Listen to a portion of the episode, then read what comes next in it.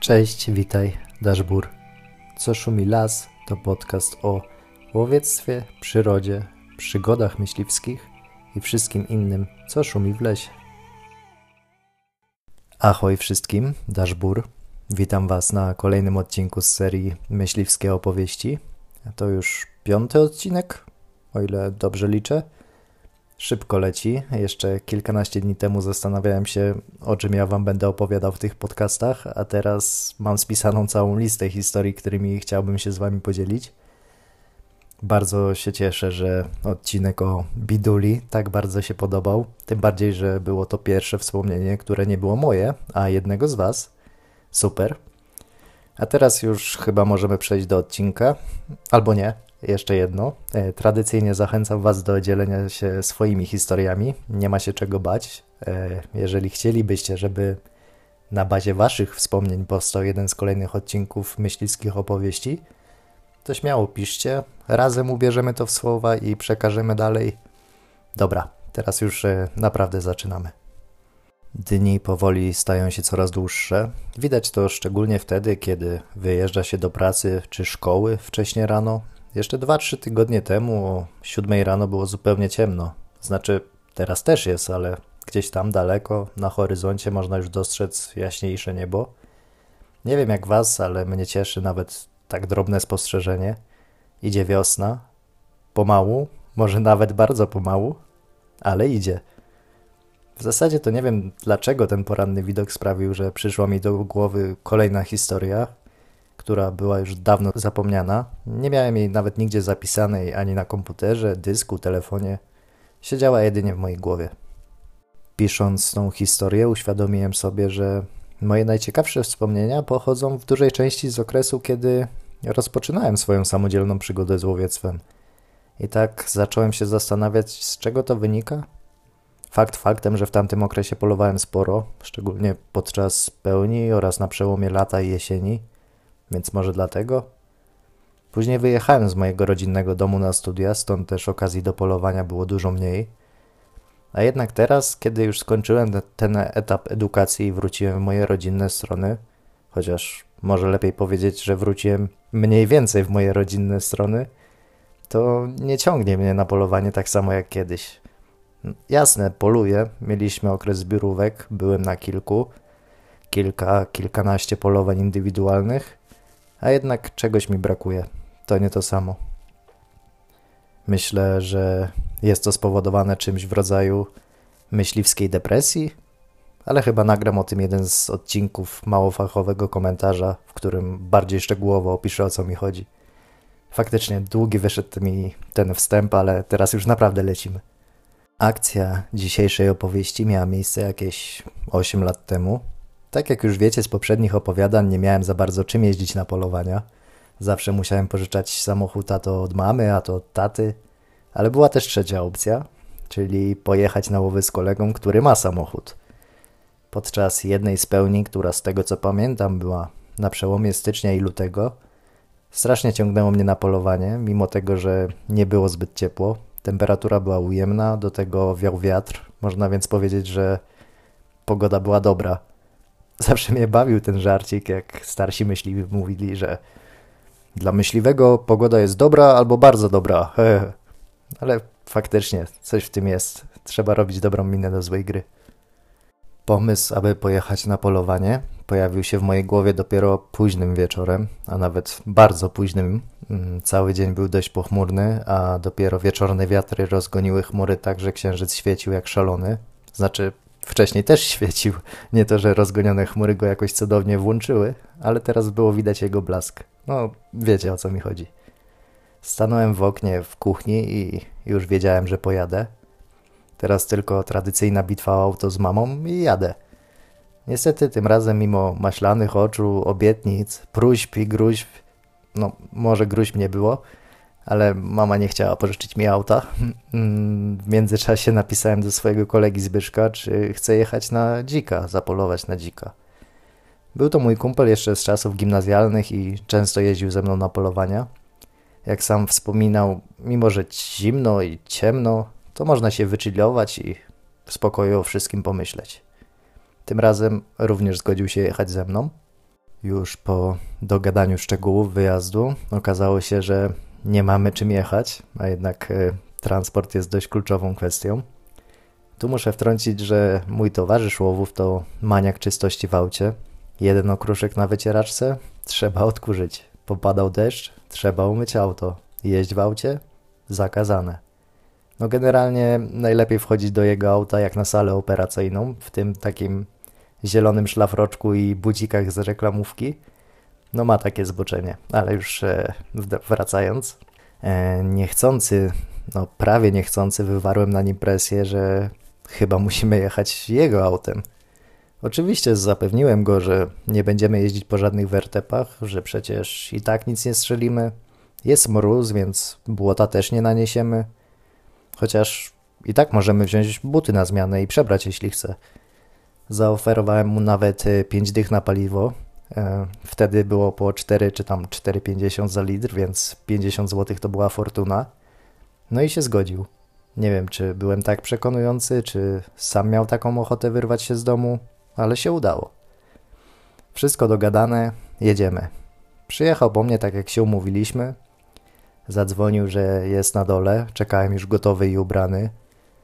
Wyjrzałem przez okno i faktycznie zobaczyłem dwudziestoletnią Skodę, która już wtedy miała z pół miliona przebiegu, ale mimo wszystko trzeba przyznać, że była bardzo zadbana. E, po minucie byłem już na dole w stroju na polowanie i adidasach, zgodnie z umową. Podróż bez przeszkód, pośmialiśmy się, powspominaliśmy szkolne czasy. Było całkiem wesoło, dzięki czemu podróż dość szybko nam minęła. Na zasiadkę wybrałem rejon blisko drogi krajowej, także do przejechania polną drogą było może kilkaset metrów. Ale żeby przypadkiem świeżo wypastowana felga nie skalała się kropelką błota, to i tak zaparkowaliśmy dużo bliżej niż pierwotnie planowałem. Wysiedliśmy z auta i poczuliśmy, że jest cholernie zimno. W mieście nie czuć tak wiatru jak na polach, a przecież jak już wiecie, to najgorszy jest ten wiatr.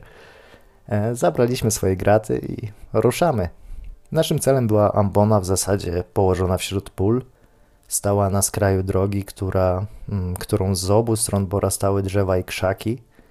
Z tyłu za amboną położony był mały staw, trochę zarośnięty. Natomiast e, naprzeciwko rozciągały się takie stawo bagienka, jeszcze bardziej zarośnięte. Wzdłuż e, ściany tych stawobagienek ciągnęła się uprawa rzepaku, e, bardzo niska o tej porze roku. Po krótkim marszu doszliśmy do ambony, a po drodze nie widzieliśmy kompletnie nic, oprócz lamp samochodów przejeżdżających na pobliskiej szosie. Już mieliśmy wdrapywać się na ambonę, ale coś przykuło moją uwagę.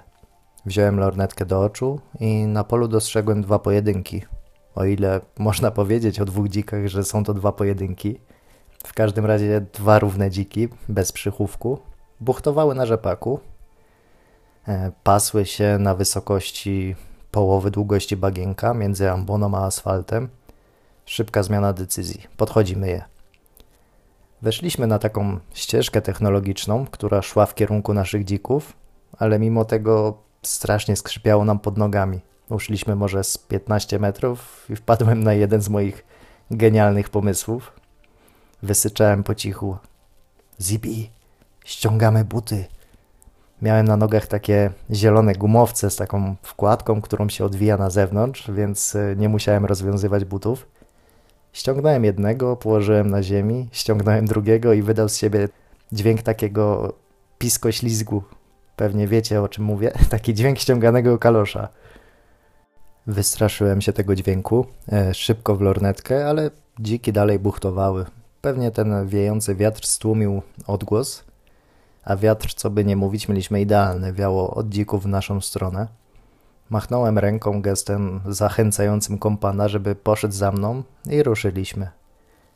Pierwsze kroki uświadomiły mi, że ziemia bez butów jest znacznie zimniejsza niż przypuszczałem, ale trudno, wytrzymam. Ważne, że poruszam się niemal bezgłośnie.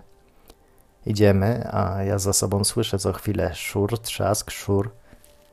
Odwróciłem się i spojrzałem zniesmaczony na Zbyszka, który dalej miał na sobie buty. Zacząłem mu pokazywać, żeby ściągnął te trepy, ale on tylko przymknął oczy i pokiwał przecząco głową. No trudno, nie namówię go, idziemy dalej. Po co ja ściągnąłem te buty, skoro on nadal je ma? Wtedy taka myśl niestety nie pojawiła się w mojej głowie. I tak sobie podchodziliśmy. Ja po cichu, a mój kompan? No, prawie po cichu. Ale muszę mu oddać honor, że mimo butów szedł w miarę cicho.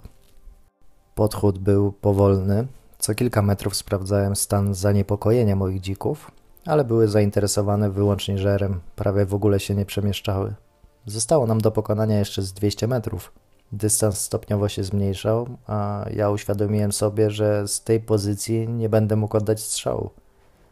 Podczas podchodu weszliśmy na wzgórze, a w zasadzie takie mikrowzgórze i teraz perspektywa wyglądała tak, że dziki sobie baraszkowały, a w tle co jakiś czas przejeżdżały auta. Zmieniliśmy kierunek podchodu. Musimy je obejść tak, żeby mieć kulochwyt. Niestety wiązało się to z tym, że musimy zejść z wygodnej ścieżki technologicznej i iść po rzepaku. Już po kilku krokach poczułem ogromny chłód na stopach. Skarpetki stawały się coraz bardziej mokre, a w dodatku marsz po roślinach sprawiał, że było nas po prostu słychać. I to już obu. Na szczęście wiatr cały czas nam pomagał i zagłuszał nasze ruchy. Krok za kroczkiem znaleźliśmy się już bardzo blisko. Odległość może z 40-50 metrów. Oceniłem dziki na dwa odyńce o wadze około 70 kg. Ten nieco dalej nas był minimalnie mniejszy, a w dodatku stał do nas na blat. Upewniłem się jeszcze raz, że mamy dobry kulochwyt. Zdjąłem sztucer z ramienia. Jeszcze raz przyjrzałem się dzikom, tym razem już przez lunetę. Położyłem krzyż na łopatce i z wolnej ręki oddałem strzał.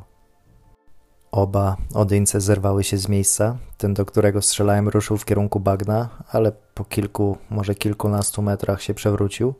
Natomiast ten drugi ruszył prosto na nas. Chyba był zdezorientowany i nie wiedział, z której strony padł strzał. Szybko przerepetowałem, już miałem szukać go w lunecie, ale odbił w kierunku bagna. I całe szczęście jakby ruszył z zamiarem zaatakowania nas. Nie wiem, czy bym zdążył. Odetchnęliśmy z ulgą, Emocje po chwili opadły. Udało się. Mamy dzika, mówię do Zbycha, a on na to, no, jak my go teraz przewieziemy? Już wiedziałem, że będzie ciekawie. W międzyczasie usłyszeliśmy trzaski z pobliskiego bagna, więc zaproponowałem, żebyśmy wrócili na ambonę, posiedzieli chwilę, może coś jeszcze nam wyjdzie, a w międzyczasie zastanowimy się co dalej. Po drodze znalazłem swoje kalosze, ale było mi wtedy zimno. Flup, flup i już miałem je na nogach. Szybka wspinaczka do góry i siedzimy. Czułem na sobie penetrujący wzrok mojego towarzysza, który żądał odpowiedzi. No nic lepszego nie wymyślę. Zdejmę kurtkę, rozścielimy ją w bagażniku i położymy dzika. Nic się nie pobrudzi, zobaczysz. Ani ja, ani on w to nie wierzył, ale nie było wyjścia. Długo nie siedzieliśmy na ambonie, było mi cholernie zimno w stopy, prawie ich nie czułem, a poza tym jeszcze coś by nam wyszło, a jeden upolowany dzik to i tak już o jednego za dużo. Wracamy do dzika. Podeszliśmy pod naszą zdobycz i faktycznie dzik był łodyńcem, waga około 70, no może 80 kg. Oręż miał mizerny, więc zabrałem się do patroszenia. Po wypełnieniu Mm, tego obowiązku, uświadomiłem sobie, że mamy kolejny problem. I mówię, Zibi, weź podjedź kawałek tą polną drogą, przecież nie dociągnę tego dzika przez 900 metrów. Oj, czułem, że balansuję na krawędzi, ale nie było innego wyjścia. Polowanie kończy się z chwilą pociągnięcia za spust, później są już tylko przykre obowiązki. Kręcił głową i nie chciał się zgodzić, ale kiedy zobaczył tempo, w jakim ciągnąłem dzika w stronę auta, chyba zmiękł. Dałem mu kurtkę, bo w międzyczasie już się zgrzałem i wysłałem po Skodę. Zostałem sam na sam z dzikiem. Mm, ciągnąłem go w stronę ambony, pod którą miał podjechać, aż nagle usłyszałem fuknięcie od strony bagna, bardzo blisko mnie. Odruchowo puściłem dzika, ściągnąłem sztucer z ramienia i sapany powiedziałem na głos a dajcie wy mi już święty spokój. I usłyszałem oddalający się odgłos słomanej trzciny. No i wróciłem do transportu dzika. Po chwili zadzwonił Zibi i pyta, krzyczałeś coś do mnie? Nie, nic nie mówiłem. Sapałem jak lokomotywa. Zauważyłem auto zajeżdżające pod ambonę. Chyba jechał z taką samą prędkością, jak ja ciągnąłem dzika, ale dojechał, udało się. Dociągnąłem dzika, z trudem się wyprostowałem, napiłem zmarzniętej wody z bagażnika i zaczynamy.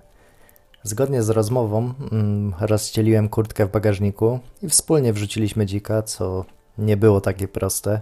Znaczy, byłoby w przypadku wrzucenia do jakiegokolwiek innego bagażnika, ale w tym przypadku nic nie mogło się pobrudzić, a możecie sobie wyobrazić, jaka była na to szansa przy 80-kilowym odyńcu.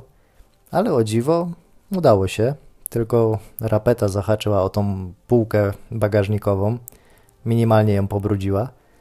Zamknęliśmy bagażnik, spakowaliśmy się i jedziemy dalej. Najpierw skup, później myjnia, na końcu dom. Pod skupem e, czekała na nas druga część operacji, czyli wyciągnięcie dzika tak, żeby nic się nie zachlapało ani nie pobrudziło. Z zegarmistrzowską wręcz precyzją unieśliśmy dzika za cztery rapety i podnieśliśmy, stękając przy tym okropnie. Szło całkiem dobrze, ale kilka kropel farby kapnęło na karoserię i na zamek, ten od bagażnika, co jest w środku. Oczywiście Zbyszek od razu wyjął ze schowka jakieś ściereczki z certyfikatem Roberta Kubicy i atestem klubu Czyściocha. No i zaczął wycierać te plamy, a ja w tym czasie zdałem dzika. Spojrzałem na bagażnik, czyściutko, tylko ta moja kurtka była cała brudna i sztywna, więc yy, upchałem ją do jakiejś zakupowej reklamówki, żeby przypadkiem czegoś nie zabrudzić. Ruszamy dalej, teraz już tylko myjnia. W sumie auto było czyste z zewnątrz i to tak serio, ale mój kolega użył chyba wszystkich możliwych programów. Mycie mikroproszkiem, nabłyszczanie, spłukiwanie, wosk. Nie wiem co tam jeszcze jest i nie wiem skąd miał tyle drobniaków, bo staliśmy tam chyba z 20 minut. Zaczęło dopadać mnie zmęczenie, bolały mnie plecy i nie czułem stóp, na co okropnie się żaliłem całą drogę do domu. Nastała chwila ciszy, spojrzałem półśpiący na kierowcę, który chicha się sam do siebie. Co się stało? Z czego się śmiejesz? Zapytałem. Mam suchara. Mówię, no, no dobra, dawaj. Idzie luty, podkuj buty. I się śmieje. Nie wiem, czy też tak macie z tymi sucharami, ale jak opowiadający zaczyna się śmiać ze swojego żartu, to ciężko się powstrzymać i choćby był najgłupszy na świecie, w sensie ten żart, a nie opowiadający, to i tak mimowolnie się uśmiechniecie. No i tak się pośmialiśmy z tego trzeciorzędowego żartu. Pod domem pożegnaliśmy się, podziękowałem mu za wspólne polowanie i przeprosiłem za testowanie jego cierpliwości. Na drugi dzień do mnie napisał, że chyba z godzinę musiał mieć auto. Tak, y, to czyste auto pomyjni, no ale taki już jest. A ja uświadomiłem sobie, że kurtka, którą miałem na sobie na polowaniu, ta, która służyła mi jako mata pod dzika, nie była moja. Przez przypadek zszabrowałem ją bratu. Umyłem ją później w wannie, tak zwane mycie wstępne, a później oczywiście wyprałem. Mimo braku nabłyszczania i wosku brat się nie zorientował, a mi się upiekło. Zibi na bank by się zorientował. I to już wszystko na dziś. Bardzo dziękuję, jeżeli udało Ci się dotrwać do tego momentu. Jeżeli podoba Ci się ta opowieść, to zostaw ocenę na Spotify'u oraz dodaj podcast do ulubionych, oczywiście jeśli chcesz. Zachęcam również do podzielenia się swoimi wrażeniami na Instagramie lub Facebooku. Jeżeli przydarzyła Ci się zabawna, śmieszna, a może nawet straszna historia na polowaniu, chociaż niekoniecznie, nie musi być to polowanie, a masz ochotę się nią podzielić, to zapraszam do kontaktu. A ja już się żegnam. Do zobaczenia, do usłyszenia. Daszbur.